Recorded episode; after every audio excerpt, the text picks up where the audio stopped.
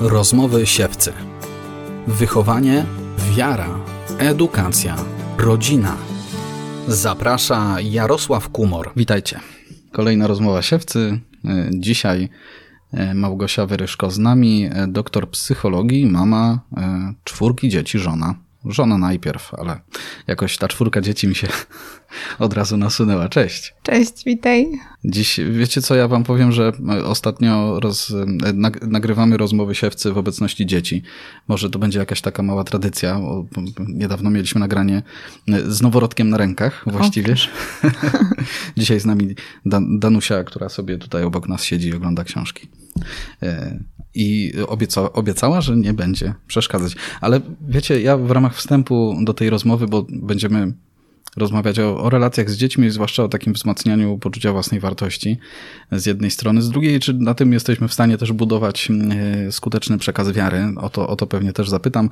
Natomiast bardzo ciekawe to było, co się wydarzyło przed rozmową, e, bo Danusia przyniosła tutaj taki, e, takiego ludzika z koralików, takie coś, co się zaprasowuje, na pewno to znacie.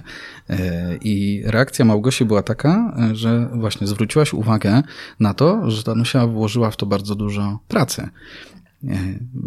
Z tego, co jakoś, znaczy z mojego doświadczenia to też jakoś wynika, że w ten sposób wprost poczucie własnej wartości u dziecka jakoś wzmacniamy, kiedy ono, bo mając małe dzieci, mhm. ja tego doświadczam bardzo często, niemal codziennie przychodzą z czymś, co zrobiły dla mnie mhm. i rzeczywiście widać, że w to dużo pracy tak. zostało włożone. No na pewno błędem jest takie, w takiej sytuacji odwrócenie głowy gdzieś tam, wpatrzenie gdzieś tam może w ekran, różnie to, to bywa. Nie wiem tak naprawdę, czy jesteśmy w stanie wejść w buty Danusi, ale co się wydarzyło? Właśnie, w niej też, nie? Co, co, co zostało um, jakoś dowartościowane, wzmocnione, bo my nie zawsze możemy mieć e, też taką tak naprawdę wiedzę, że warto na ten konkretny obszar tego, że jakaś praca została w to włożona, mhm. właśnie zwrócić uwagę, nie? E, myślę, to, to co, co jest ważne i mam nadzieję, że się dokonało, bo tak jak mówisz, to możemy przypuszczać, to, że ona została dostrzeżona, to, że zostało też dostrzeżone jej staranie, jej działanie, też jej taka chęć e, e, sprawienia komuś radości i że ta radość rzeczywiście została wypowiedziana. Czyli ona mogła zobaczyć, że to, co robiła z jakąś intencją sprawienia radości, rzeczywiście spotkało się z taką radością, ale przede wszystkim chyba to, że zobaczyła, że jest ważna i to, co robi, jest zauważone przez rodzica, jest dla rodzica ważne i rodzic docenia nie tylko efekt, ale właśnie te starania i ilość pracy włożonej. To jest taki przykład sytuacji, kiedy czegoś się też od dziecka możemy nauczyć. Czasami może nam się to nie mieścić w głowie, jak to mhm. ja tutaj dorosły z tej pozycji jakiejś, nie wiem, siły, wyższości i tak dalej, nie? Mogę się czegoś nauczyć. No właśnie, tej chyba takiej naturalności w tym, że mm, dziecko chcę coś zrobić dla mnie bezinteresownie. E, no i właśnie z tą intencją, żeby sprawić mi radość, że jest to jakiś wyraz miłości, no nam rodzicom to może e, uciekać w mhm. takiej no, gonitwie codzienności, nie? Tak, dzieci potrafią nas pięknie zatrzymywać na tym, co, co ważne, co wartościowe, co piękne. Mamy dużo rzeczy, spraw pilnych, ale niekoniecznie ważnych. Te pilne nas gdzieś tam przymuszają, żeby żeby w nich być, żeby jakoś aktywnie na te pilne sprawy reagować, odpowiadać, a dzięki dzieciom możemy się zatrzymać i mieć taką refleksję, że może czasami umykają nam właśnie rzeczy ważne i dzieci nas mobilizują do tego, żeby, żeby się nad nimi zatrzymywać, nad tymi ważnymi, właśnie może niepilnymi, które tak łatwo też gdzieś tam odsunąć na później, na później, a dzieci nas mobilizują, żeby tego właśnie nie odkładać na no, później. Te, te, pilne rzeczy, tak, odkładane na później, później mamy taką, takie skomasowanie. Tak, tak. Po prostu zarwana nocka mhm. i tak dalej, więc potem jesteśmy nerwowi i tak dalej, i tak dalej.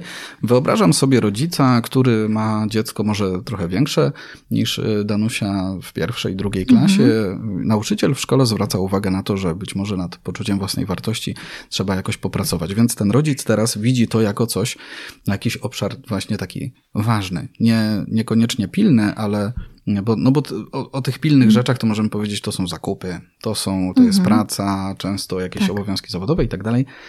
Coś, co tak naprawdę samo się narzuca. Kiedy ja bym dostał taki komunikat, to bym sobie myślał taki, że na przykład nad mo- moją córką trzeba no, popracować nad jej poczuciem własnej wartości, to bym sobie y, wizualizował, że to jest ogromne zadanie. Trudne zadanie. Natomiast to, co się zadziało tuż przed rozmową, pokazuje, że tak naprawdę w prosty sposób można wzmacniać poczucie własnej wartości. No to właśnie, to tak y, słusznie jest patrzeć na to jako zadanie duże, trudne, wymagające. Mm, Myślę, że to jest e, zadanie duże. E, Czy jest trudne, czy wymagające? Mm, Pewnie wymaga takiej świadomości naszego codziennego bycia i reagowania, bo mm, to poczucie własnej wartości to nie jest coś, co można jakoś na warsztacie wypracować, pójść na kurs i tego się nauczyć, tylko zwłaszcza jeśli tu mówimy o dzieciach, to jest coś, co, czego one mogą e, doświadczyć właśnie w takich codziennych interakcjach e, z rodzicem, takim codziennym byciu i nabierać tego poczucia, że, że faktycznie są ważne, e, potrzebne, e, dobrze widziane w tym miejscu, gdzie są. Bo to poczucie wartości e, z nim jest tak, że mm, no, my jako ludzie mamy swoją wartość, mamy swoją godność, niezależnie od tego, jak inni nas traktują i, i, i z jakimi zachowaniami się spotykamy, No ale i też sami jakie zachowania, myślę, jakby wykonujemy, mówiąc wprost. Tak jak się zachowujemy, bo dzieci Mhm. nieraz m- mogą zachowywać się, mówimy to tak w cudzysłowie, myślę, niegrzecznie. Mm, tak, No i jakby z- odpowiednio do wieku swojego też No właśnie. czasami po prostu. to nie sprawia, że one są gorsze, prawda? Oczywiście, że nie. Oczywiście, że nie. E, Często pod, pod tym zachowaniem kryje się właśnie jakieś wołanie o, o zauważenie, o tą uwagę, o pokazanie, że, że jestem ważny, że moje emocje, uczucia są ważne, chociaż czasem trudne może do, do przyjęcia.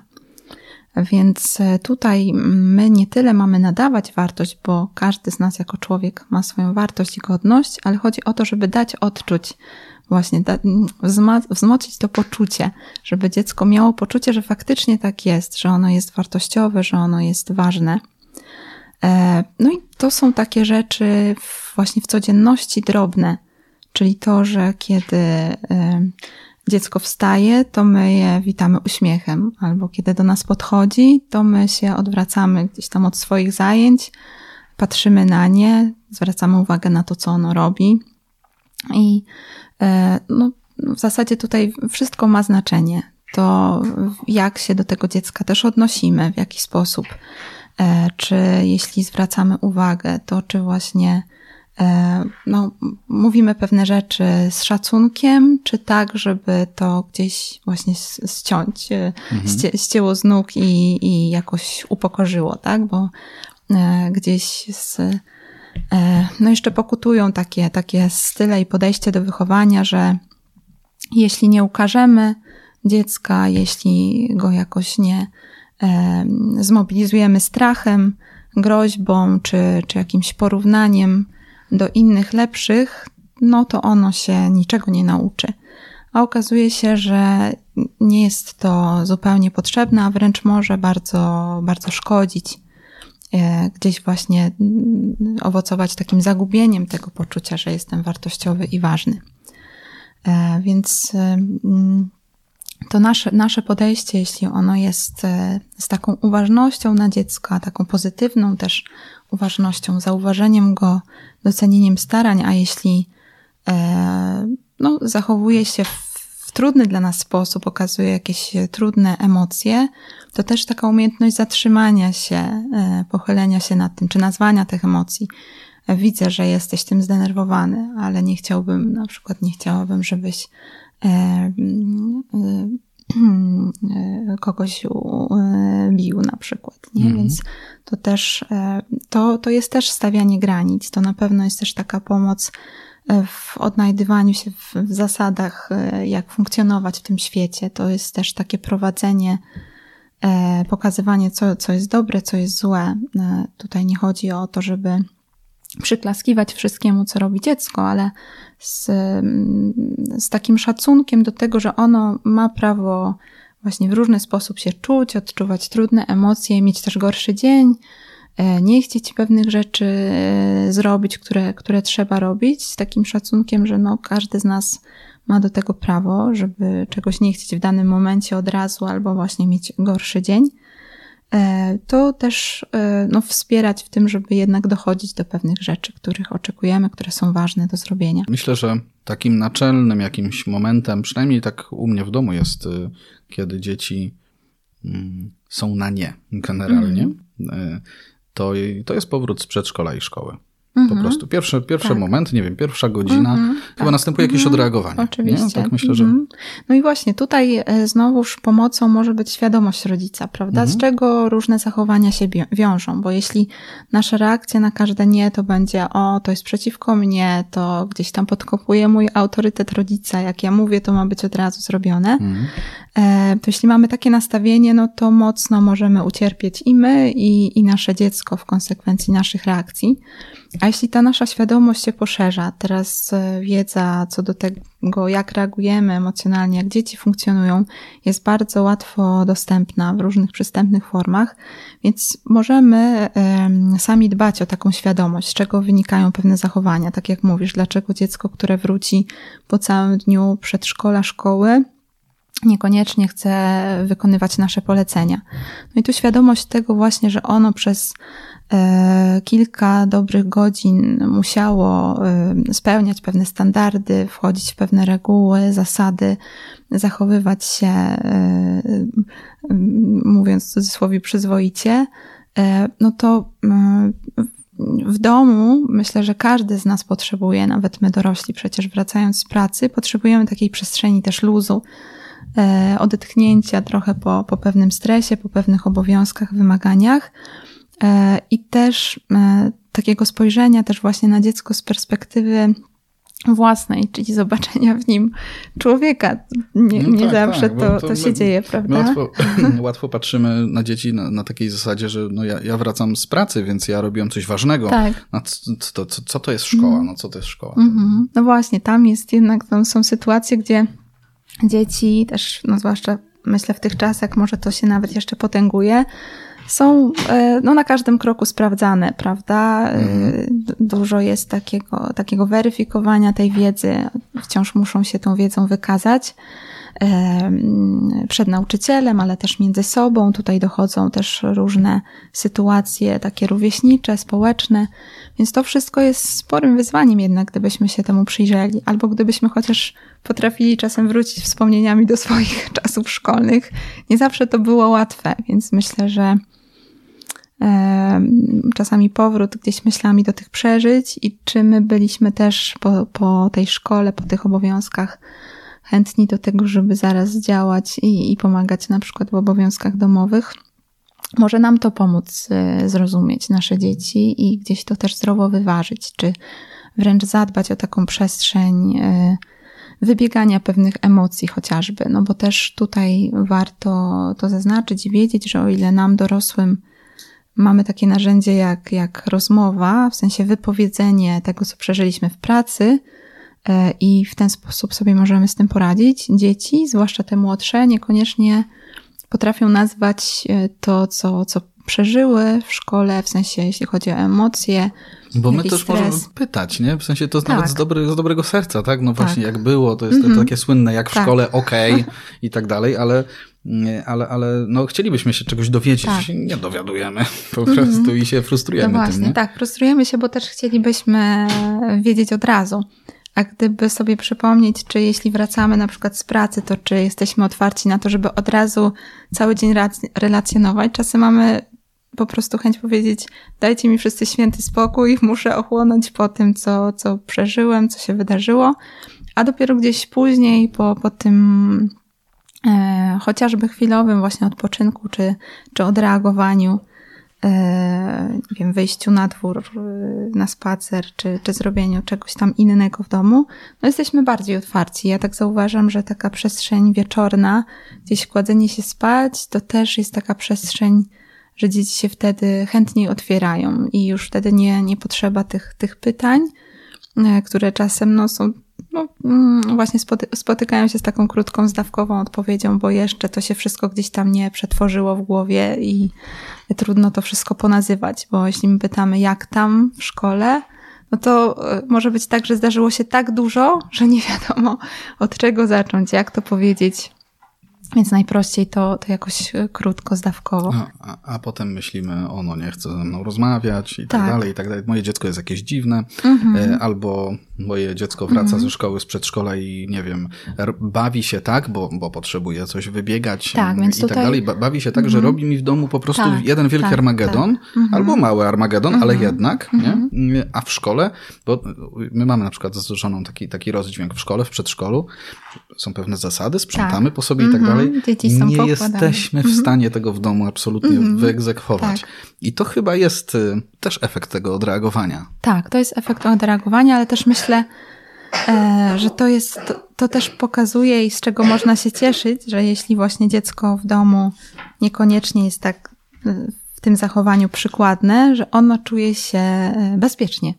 Że ono może różne emocje pokazać, że ono może właśnie te zabawki porozrzucać i że spotka się to z jakimś przyjęciem też tego zachowania, że nie będzie to jakoś ukarane czy właśnie ocenione negatywnie, tylko dziecko ma raczej oczekiwanie, że no, zostanie to jakoś zrozumiane też e, przez, e, przez rodzica. No, sami możemy tak mieć. Znowu wracamy do tego patrzenia na dzieci jak na, jak na ludzi, no bo są Tak, to jak ludzie, tak? ludzi. I sami wracamy z pracy. I niekoniecznie od razu dbamy o super porządek wszędzie. Nie? Tak, dokładnie. No właśnie, czasem potrzebna jest ta przestrzeń nabrania też e, oddechu, nabrania siły. I e, stąd być może właśnie ten, ten wieczór do, do tego rozmawiania spokojnego, co się wydarzyło. Ale ja też czasem się zastanawiam, czy nie jest tak, że dzieci też wyczuwają, że my już gdzieś w tej, w tej fazie wieczornej jesteśmy takim wdzięczniejszym słuchaczem. W sensie, że nie jesteśmy już tak zadaniowo nastawieni, no to teraz cię zabieram ze szkoły, no to jeszcze przepytam cię, jak tam było, yy, będzie to odhaczone, teraz obiad, teraz coś tam. No i to, to sami byśmy pewnie niechętnie się z kimś takim dzielili, kto niekoniecznie chce y, słuchać, żeby usłyszeć, tylko wysłuchać, że coś tam wie. Czyli Prawda? zasadniczo czas między powiedzmy 16 a 18 to jest ten czas na sprawy pilne. Natomiast Mhm. gdzieś od 19 zaczynamy że- sprawy ważne, słuchajcie. Tak myślę, że, myślę, że może, może coś w tym być, ale to pewnie nie tylko kwestia jakby godziny, ile właśnie takiej przestrzeni w nas, nie? nie? Mhm. E, Czy, czy jesteśmy właśnie tak nastawieni na, na słuchanie, żeby usłyszeć? Bo myślę, że to, to dziecko też e, wyczuje, jak, jak to z nami jest. Myślę o takich komunikatach, które dzieci mogą od nas słyszeć, kiedy właśnie jest, y, zrobią nam bałagan po południu wieczorem y, w domu, czy, czy, czy, czy, czy właśnie odrabianie lekcji chociażby. No myślę, że też jest taki, tak, to, to jest taki moment, kiedy y, mo, dziecko może usłyszeć sporo gorzkich komunikatów, które potem w nim zostają. Z tobą się beznadziejnie odrabia lekcje, nie wiem, jesteś słaby z tego czy tego przedmiotu, czy generalnie Mm, no, pewne takie stygmatyzowanie, nie? To może się, może się dziać i to zostaje, tak sądzę. Nie? Tak, to zostaje rzeczywiście. To są takie komunikaty, które gdzieś tam w głowie pracują. E, A też może właśnie czasem dziecko też ma trochę mm, podłamaną motywację, żeby to zmieniać. No skoro rodzic tak uważa, to znaczy, że no nie warto się starać. To już tak będzie, bo też wiele rzeczy, które wypowiadamy, no dzieci przyjmują jako taki pewnik. No jesteśmy jednak e, rodzicami, najważniejszymi osobami dla dzieci, które jeśli coś powiedzą, no to dla dzieci, przynajmniej do pewnego wieku, jeśli my coś mówimy, no to znaczy, że tak jest. No i to jest rzeczywiście bardzo duża odpowiedzialność, ta, ta e, moc rodzicielska właśnie w tym, żeby e, wydobywać na światło e, tą wartość dziecka, a nie tyle wy, wydobywać na światło jakieś słabości czy rzeczy, które się nie udały, albo które jeszcze wymagają tak naprawdę często po prostu pracy. Ja mam wrażenie, że wiesz, ta odpowiedzialność, ona też sprowadza się do dość prostej rzeczy, bo powiedzieć komunikat, y, czy to będzie różnica, kiedy ja powiem komunikat z tobą się beznadziejnie odrabia lekcję, a komunikat y, dzisiaj trudno mi się z tobą odrabia lekcję. Tak, to jest zasadnicza różnica i tutaj psychologia właśnie mówi o tym, że dobrze, żebyśmy komentując właśnie jakieś sytuacje używali komunikatów typu ja, a nie typu ty, czyli mówi bardziej o swoich odczuciach niż właśnie komuś ubliżali, czy jakoś właśnie upokarzali, nazywając jakimiś epitetami. E, więc lepiej jest powiedzieć, że no właśnie jest mi, jest mi trudno e, e, dzisiaj pracować nad tymi lekcjami, czy, czy mam wrażenie, że może, może trudno jest się dzisiaj skoncentrować, niż właśnie kiedy mówimy takie też ogólniki i takie, że no, beznadziejnie się z tobą pracuje, tak? No to jest no, takie mocne i E, rzeczywiście to nie motywuje do tego, żeby to zmienić. Jeśli my się otwieramy, też mówimy o, o naszych odczuciach, e, to dziecko też zauważa, no właśnie to, co my przeżywamy, to, co w nas powoduje też e, jakieś działanie z nim, to jest zwykle tak, takie mobilizujące też albo otwierające do tego, żeby ono też powiedziało, jak ono się, jak ono się czuje. I to też jest nasze takie zadanie, żeby ułatwić to nazywanie emocji, czyli właśnie jeśli my mówimy o swoich odczuciach, swoich przeżyciach, to dziecko też zna konkretne słowa, które te odczucia nazywają. Jest mu łatwiej na przykład powiedzieć, trudno mi jest się dzisiaj skoncentrować, albo jestem taki zdenerwowany tym, co się wydarzyło, że nie mogę myśleć e, o tej matematyce. Tak? I no, wtedy też no, wprowadzamy je w taki świat właśnie tych emocji, łączenia tego, co mamy zrobić z tym, co przeżywamy, jakiejś takiej naszej kondycji. Czy w ogóle mówiąc o emocjach w domu, to też nadajemy temu wartość, że ten świat wewnętrzny jest jakoś ważny. Jeśli mówimy o swoich emocjach, jeśli nazywamy też emocje, które może przeżywać dziecko, widzę, że jesteś zdenerwowany, widzę, że cię to zezłościło, mam wrażenie, że, że jesteś zmęczony, albo widzę, że cię to bardzo cieszy, tak, to wtedy dziecko też y, zaczyna łączyć właśnie to swoje zachowanie, te reakcje z tym, jakie, jakich doświadcza przeżyć, i potem łatwiej mu to też jakoś zrozumieć, zrozumieć siebie. I to jest zupełnie co innego niż właśnie reagujemy na samo zachowanie i byśmy mówili tutaj E, że dziecko jest niegrzeczne, podczas gdy ono rzeczywiście czymś się zdenerwowało, coś, coś przeżyło, no to wtedy ono ma takie poczucie, że wszelkie jakieś emocje trudne no są właśnie niewłaściwe, e, e, że ono jest jakieś właśnie nie, nieodpowiednie. Natomiast gdy pokazujemy, że widzimy różne te emocje też trudne i przyzwalamy na to, żeby one miały miejsce, E, to jest, myślę, też to budowanie poczucia wartości. Ja jestem ważny, moje emocje, to co przeżywam, też jest ważne. Dla rodzica też jest ważne. Rodzic jakoś tego nie neguje, nie bagatelizuje, stara się to rozumieć, ale też ukierunkować, tak, te emocje, żeby one też nie e, przekładane na jakieś działania nie, nisz, nie niszczyły innych, nie, nie, nie, no po prostu nie niszczyły. A co mogę zrobić jako rodzic, jeżeli słucham tego, co mówisz i myślę, to jest trochę obcy świat dla mnie. Y, sam doświadczyłem pewnych zranień od moich mm -hmm, rodziców. Nie? -hmm, mam, mam pewien tak, bagaż też tak. jakichś y, fałszywych przekonań na swój temat, że sam mm -hmm. jestem niedomagający, nie, tak. nie, jakby niewystarczająco mhm. dobry i tak dalej. Sam słyszałem podobne rzeczy. No, tradycji staje się zadość. Tak, Mój rozmówca z tak. dzieckiem na kolanach czy na rękach to jest piękny obrazek y, i mam nadzieję, że później jeszcze do, do zdjęcia na, tak. na, na koniec tak. zachowamy ten obrazek. Jasne. No właśnie, czy mm, możemy wpaść e, też w takie myślenie, że właściwie jesteśmy w sytuacji bez wyjścia? Mhm bo możemy patrzeć też na swój bagaż, mm, który trudno jest przepracować tu, tu, i teraz, z dnia na dzień, że widzimy znowu, że to jest jakieś duże zadanie i tak dalej. Nie? Czy to tak. jest rzeczywiście tak, że mając ten bagaż, mimo wszystko możemy tego nie przenosić na nasze dzieci?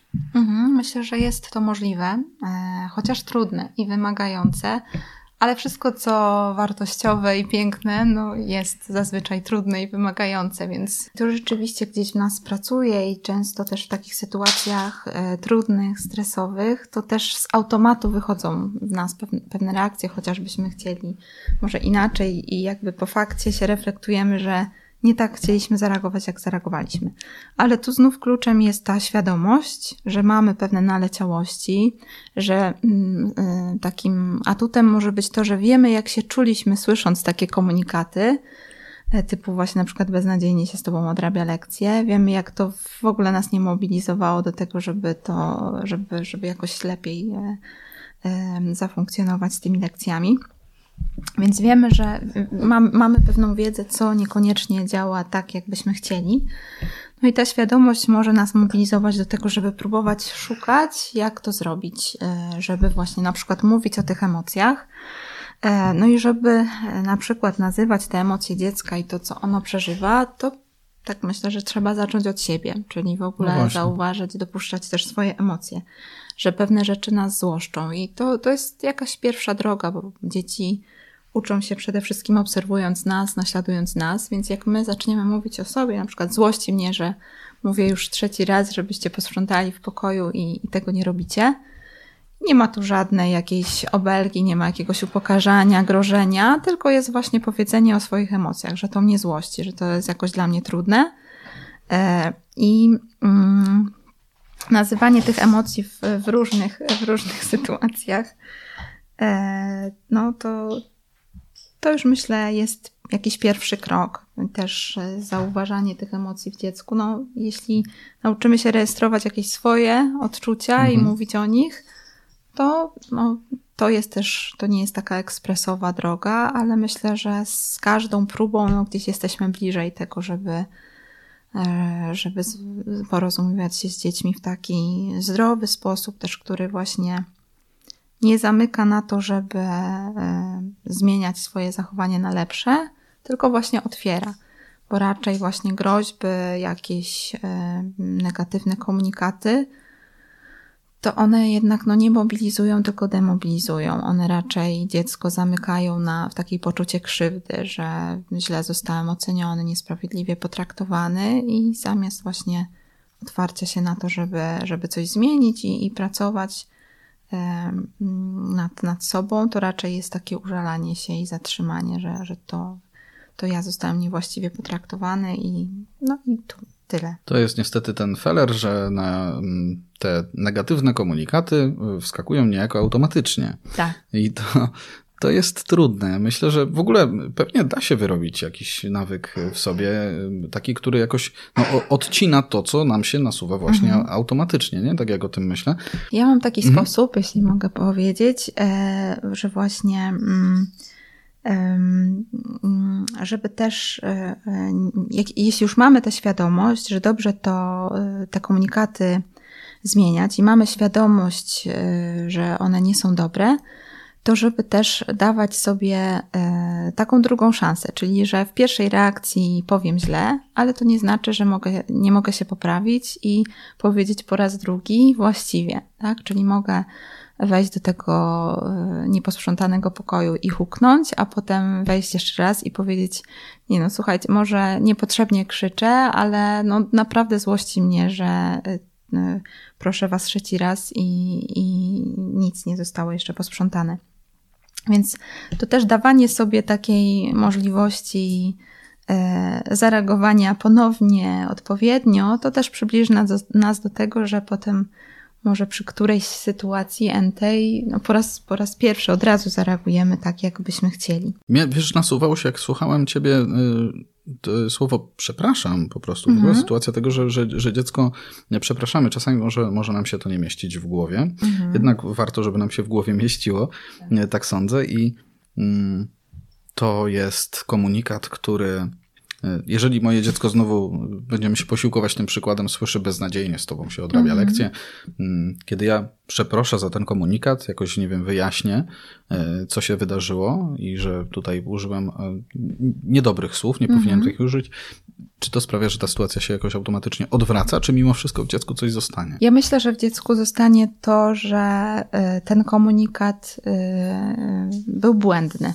Mhm. Że jakby dziecko zobaczy, że nawet y, rodzic czuje podobnie jak, jak ono, że właśnie, bo jeśli był ten negatywny komunikat, dziecko ma poczucie właśnie jakiegoś pokrzywdzenia i niesprawiedliwego ocenienia, kiedy rodzic to wypowie, przepraszam, to, to źle, źle tutaj powiedziałem, nie powinienem był tak mówić, to wcale nie jest prawda. Po prostu dzisiaj no, czuję, że nie mam tej cierpliwości, mam wrażenie, że tobie też jest się trudniej skoncentrować, to ta sytuacja no, zostaje jakoś odwrócona.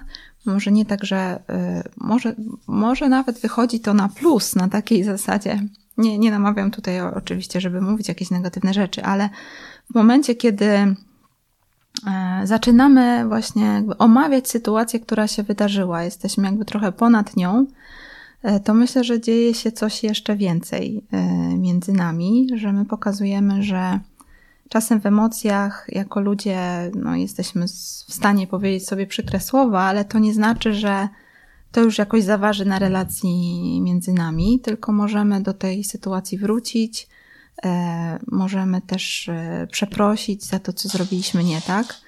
I tutaj e, myślę, że ten autorytet rodzica tylko zyskuje w momencie, kiedy potrafimy się mhm. przyznać do błędu, bo pokazujemy się też od takiej ludzkiej strony, że my też popełniamy błędy, ale właśnie tutaj ten autorytet buduje się na tym, że my potrafimy się przyznać do błędu i wtedy ten autorytet, myślę, taki właśnie prawdziwy, wartościowy budujemy, czyli nie ten od góry narzucony, masz mnie szanować, bo jestem twoim rodzicem, tylko no dziecko zaczyna szanować, bo widzi e, no właśnie tą siłę rodzica, że on potrafi przyznać się, że e, zachował się źle, że poniosło go, że ma swoje słabości, ale potrafi się do nich przyznać, potrafi za nie przeprosić.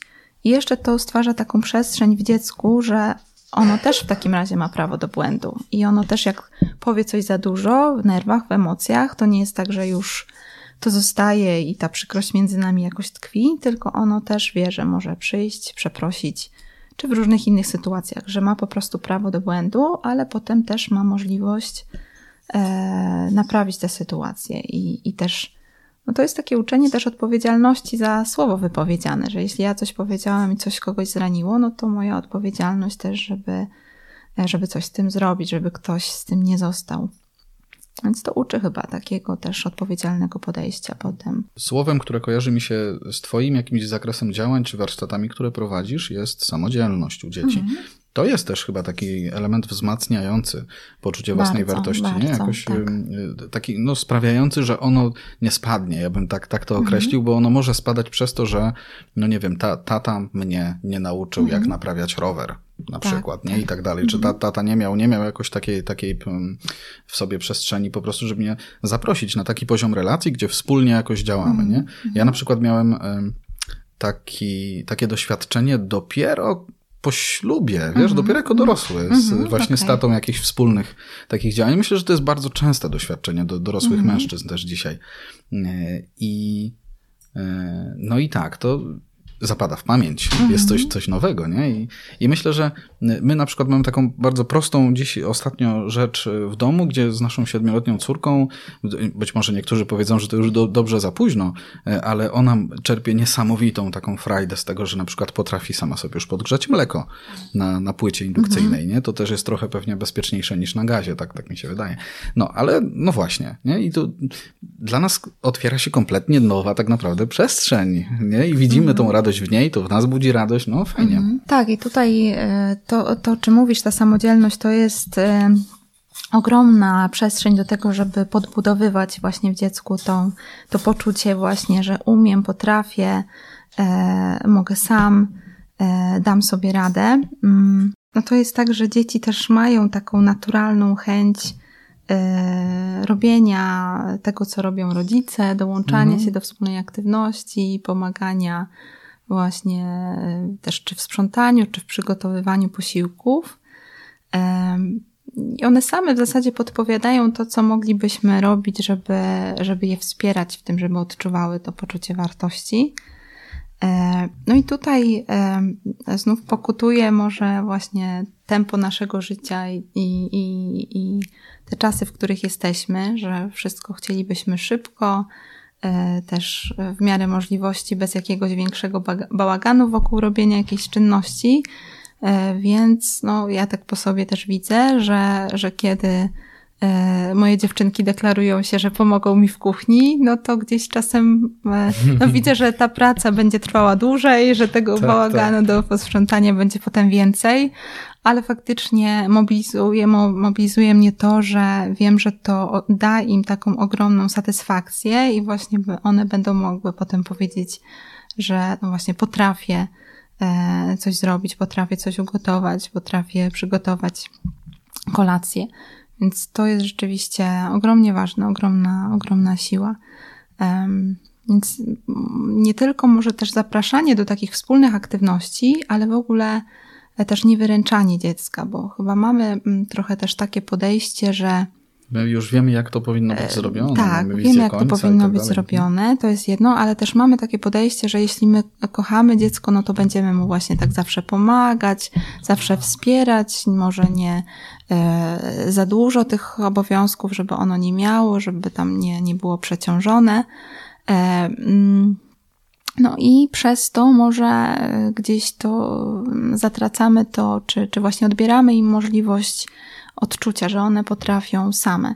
E, ja przy każdym kolejnym dziecku przekonuję się, że one, one już wcześniej mogą sobie e, z pewnymi rzeczami radzić, że gdzieś tam wydawało mi się, że do pewnego wieku e, ja muszę te dzieci ubierać, ja muszę im wszystko podawać, a okazuje się, że one naprawdę bardzo wcześnie radzą sobie z właśnie samodzielnym ubieraniem, rozłożeniem talerzy, sztućców, e, zamieceniem podłogi i tak dalej. Więc i to są też okazje, gdzie widziałam, że one czują się naprawdę właśnie E, no takie sprawcze, że one potrafią, że dzięki nim coś się dzieje, że też aktywnie uczestniczą w życiu całej rodziny, że mają tutaj e, znaczenie i bez ich jakiegoś wkładu, no nie byłoby tego wszystkiego, co się dzieje, więc no doświadczam, że to daje taką ogromną radość i satysfakcję. Jeśli tylko my jako rodzice też e, przyzwolimy na to właśnie, żeby E, czasem jakaś czynność trwała dłużej, ubieranie się właśnie, czy, czy zasuwanie e, kurtki. E, a, a to naprawdę nie, nie zajmuje jakoś wiele, po prostu w tym naszym ogólnym takim pośpiechu i nastawieniu na to, żeby było szybko już gotowe, zrobione, to często zabieramy te sytuacje, które mogłyby być znakomitą okazją do podbudowania tego poczucia wartości że ja mogę sam właśnie, daję sobie dobrze radę z wieloma rzeczami. Myślę, że takim hasłem w tym kontekście, o którym teraz mówimy, pewnej samodzielności dzieci, są zajęcia dodatkowe. Mhm. My wysyłamy dzieci na zajęcia dodatkowe. Jest nam łatwo zrobić przelew comiesięczny za zajęcia do, dodatkowe. Mamy dzieci w cudzysłowie albo i nawet nie w cudzysłowie z głowy, mhm. a mając, mając to dziecko w kuchni czy gdzieś tam w jakimś warsztacie po prostu mm -hmm. codziennym.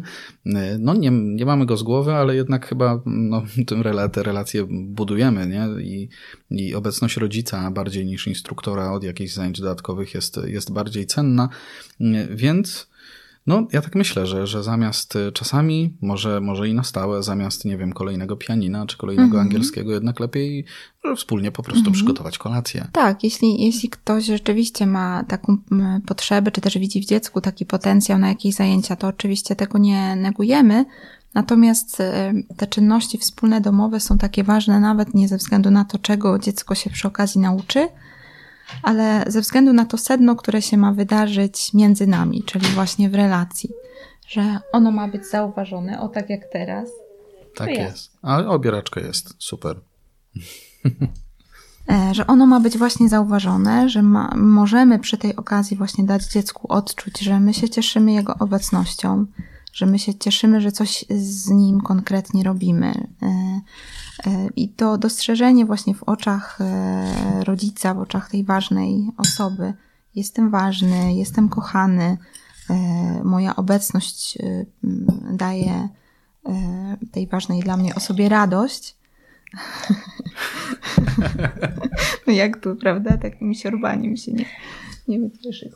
No, to, to, to jest to sedno, nie? Które, się, które się wydarza. Więc warto nie, nie przegapić tych, tych okazji, takiego bycia wspólnego, wspólnej aktywności, gdzie możemy to, to okazać. Ja, ja wiesz, myślę, że to, co się zadziewa w tym momencie mhm. też jest ciekawe tak w ogóle, bo e, rodzi się jakaś, nie wiem, jaka, jakaś złość chociażby z tego, z tego powodu, że no właśnie, ciebie Danusia właściwie trochę rozprasza, nie?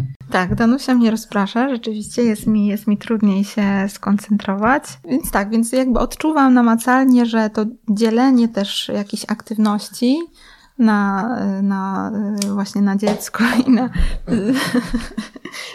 zrobienie tego, co co tu sobie zaplanowaliśmy zrobić. No nie jest łatwe, rzeczywiście.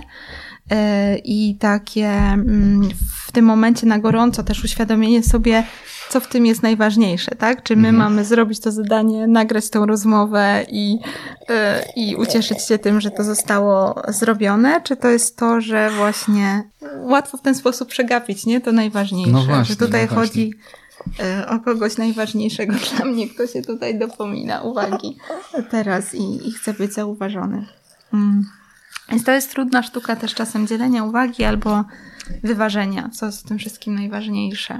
To, to pomaga na pewno gdzieś tam czasem odpuścić, e, czy, czy nie przeżywać mm, tego życia w takim napięciu, że ja mam swoje zadania, które chcę zrobić, a moje dzieci e, mi w tym jakoś tam, mi to utrudniają. Tak, zresztą jest w tym wszystkim trochę fascynacji mikrofonem.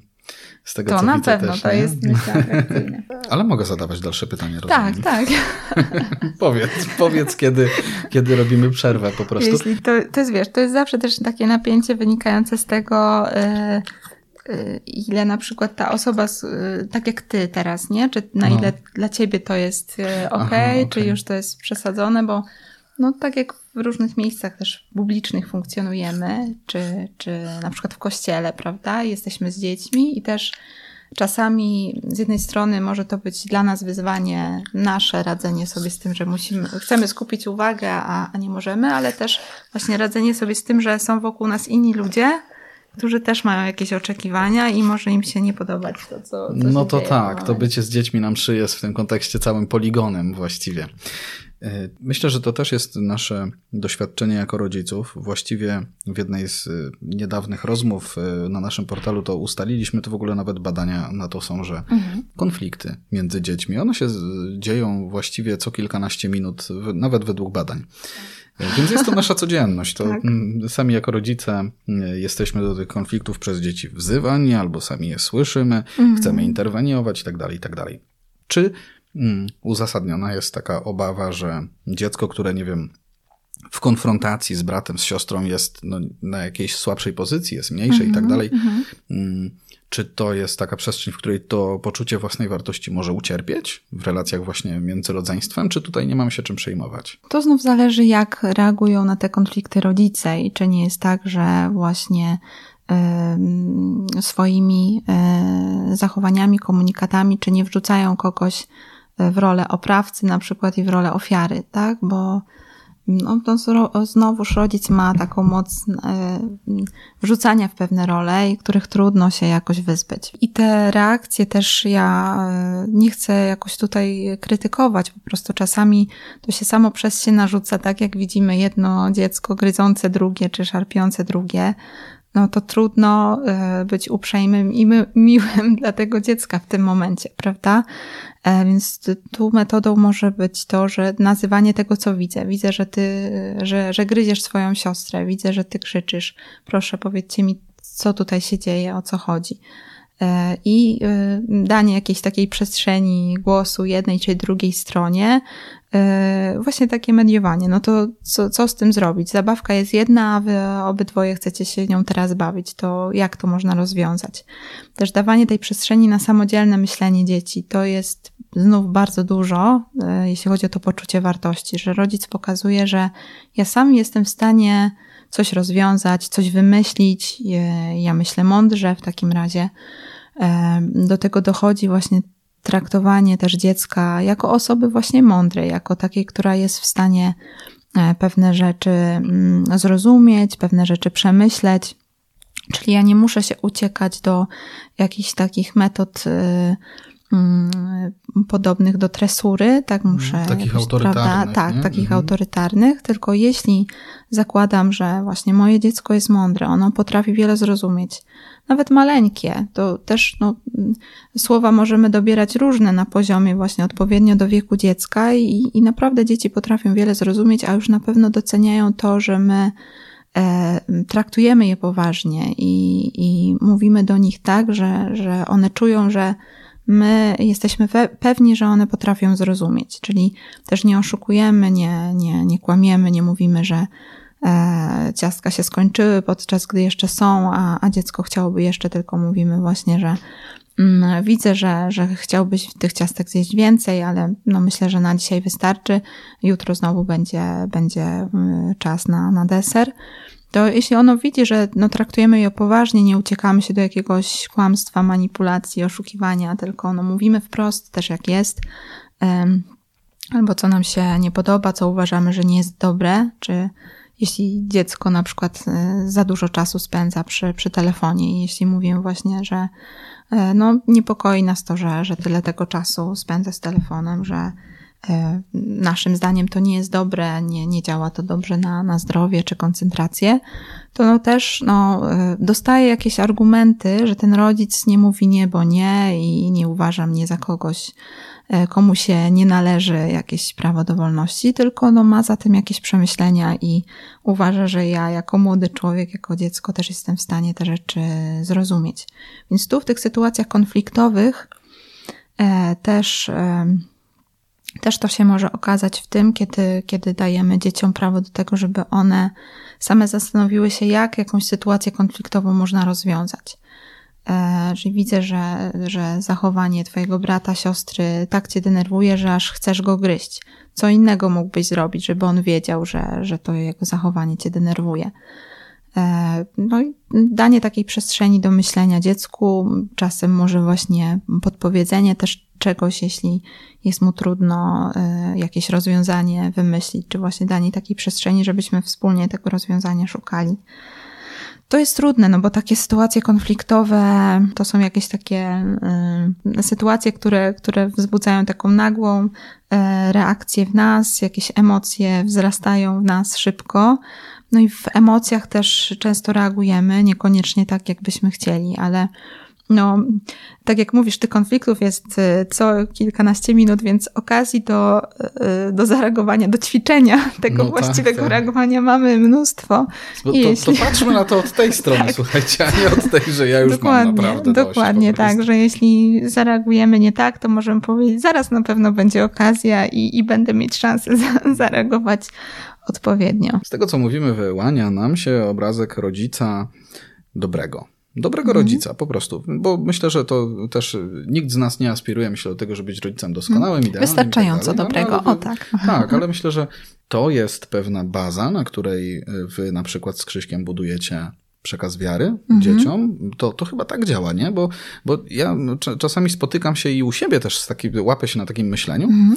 y, że pomodlimy się razem, to się to wszystko jakoś tam ugłaska po prostu, mm. nie? A to chyba jednak nie o to chodzi. W sensie ten background taki ludzki, czysto, no jesteśmy mm. jednością, ten background taki tak, ludzki dokładnie. związany mm. no, z pewną psychiką naszą, bo to o tym tak naprawdę mówimy cały czas, nie? On e, tutaj e, no, współgra z, mm. sferą duchową naszych dzieci. Ja mam nierzadko tak, że jeśli coś na, e, na poziomie tej, tej, tej, tej ludzkiej relacji właśnie zadzieje się nie tak, jakiś konflikt między nami a dziećmi się pojawia, i na przykład przychodzi czas modlitwy, to mam takie poczucie właśnie nieadekwatności, że jest jakieś niedomówienie, no i właśnie teraz ta modlitwa wydaje mi się właśnie, no jest jakby nieadekwatna, że powinniśmy gdzieś dorozmawiać, domówić pewne rzeczy, żeby móc się spotkać w takiej przestrzeni, e, no takiej komunii, takiego zjednoczenia, więc to zjednoczenie też myślę między nami, tak, taka więź powinna być odczuwalna.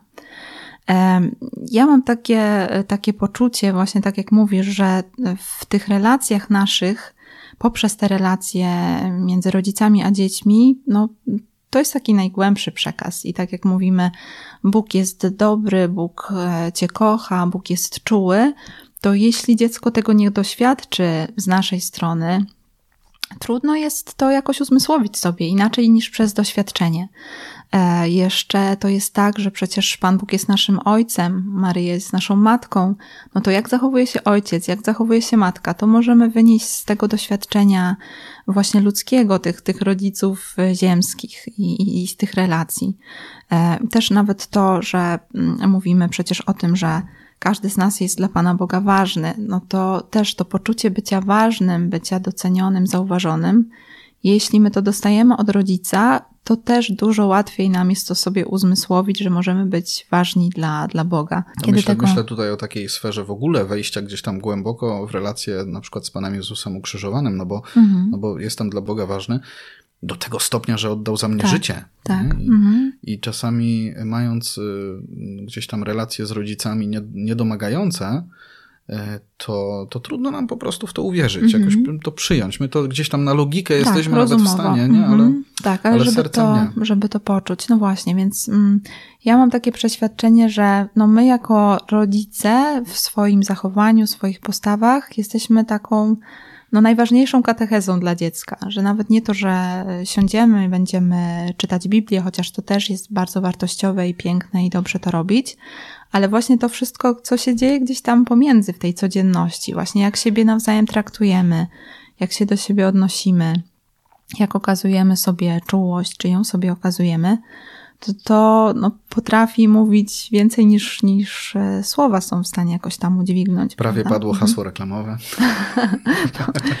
także, także myślę, że to, co się gdzieś tam e, dzieje między nami, to, to jest doświadczenie miłości, tak? I to doświadczenie miłości to coś więcej niż wiedza o miłości. Tak myślę. Więc to jest takie, e, można by powiedzieć, że z jednej strony obciążające, mm, no, czujemy na sobie odpowiedzialność. Jest, to tak, mm. jest, jest duża odpowiedzialność. Mm. Ale no też powinno być przede wszystkim, myślę, takie mobilizujące y, do tego, żeby no, te relacje, żeby, żeby pracować najpierw nad sobą y, i rozwijać się w tym reagowaniu na, na, na różne zachowania dziecka, na jego emocje, odczucia. Ja myślę, że wiesz, też w tej odpowiedzialności sam Pan Bóg chce nas prowadzić i tak i sam, no po prostu na, nasza relacja z nim, w której mhm. możemy przeżywać kry, kryzysy, możemy jako dorośli doświadczać trochę takiego, no właśnie, wyrwania z pewnego takiego dziecięcego pojmowania wiary i, i przechodzić przez pewną próbę takiego mhm. przyjęcia wiary już na, naprawdę na poważnie.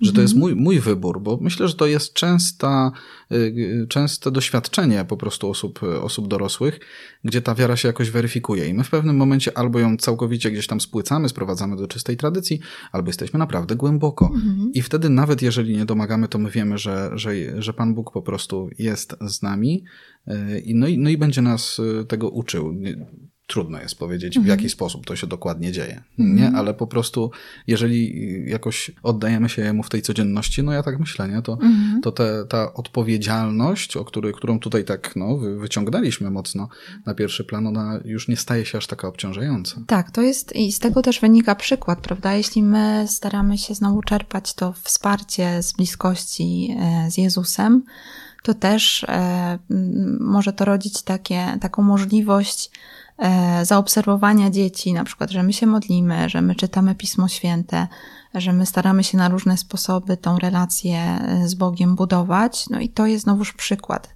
I gdybyśmy namawiali do tej wiary i do dochodzenia do kościoła na różne zajęcia, to też e, mm, nie aż tak wiele znaczy, ile, ile nasze zaangażowanie, nasza postawa.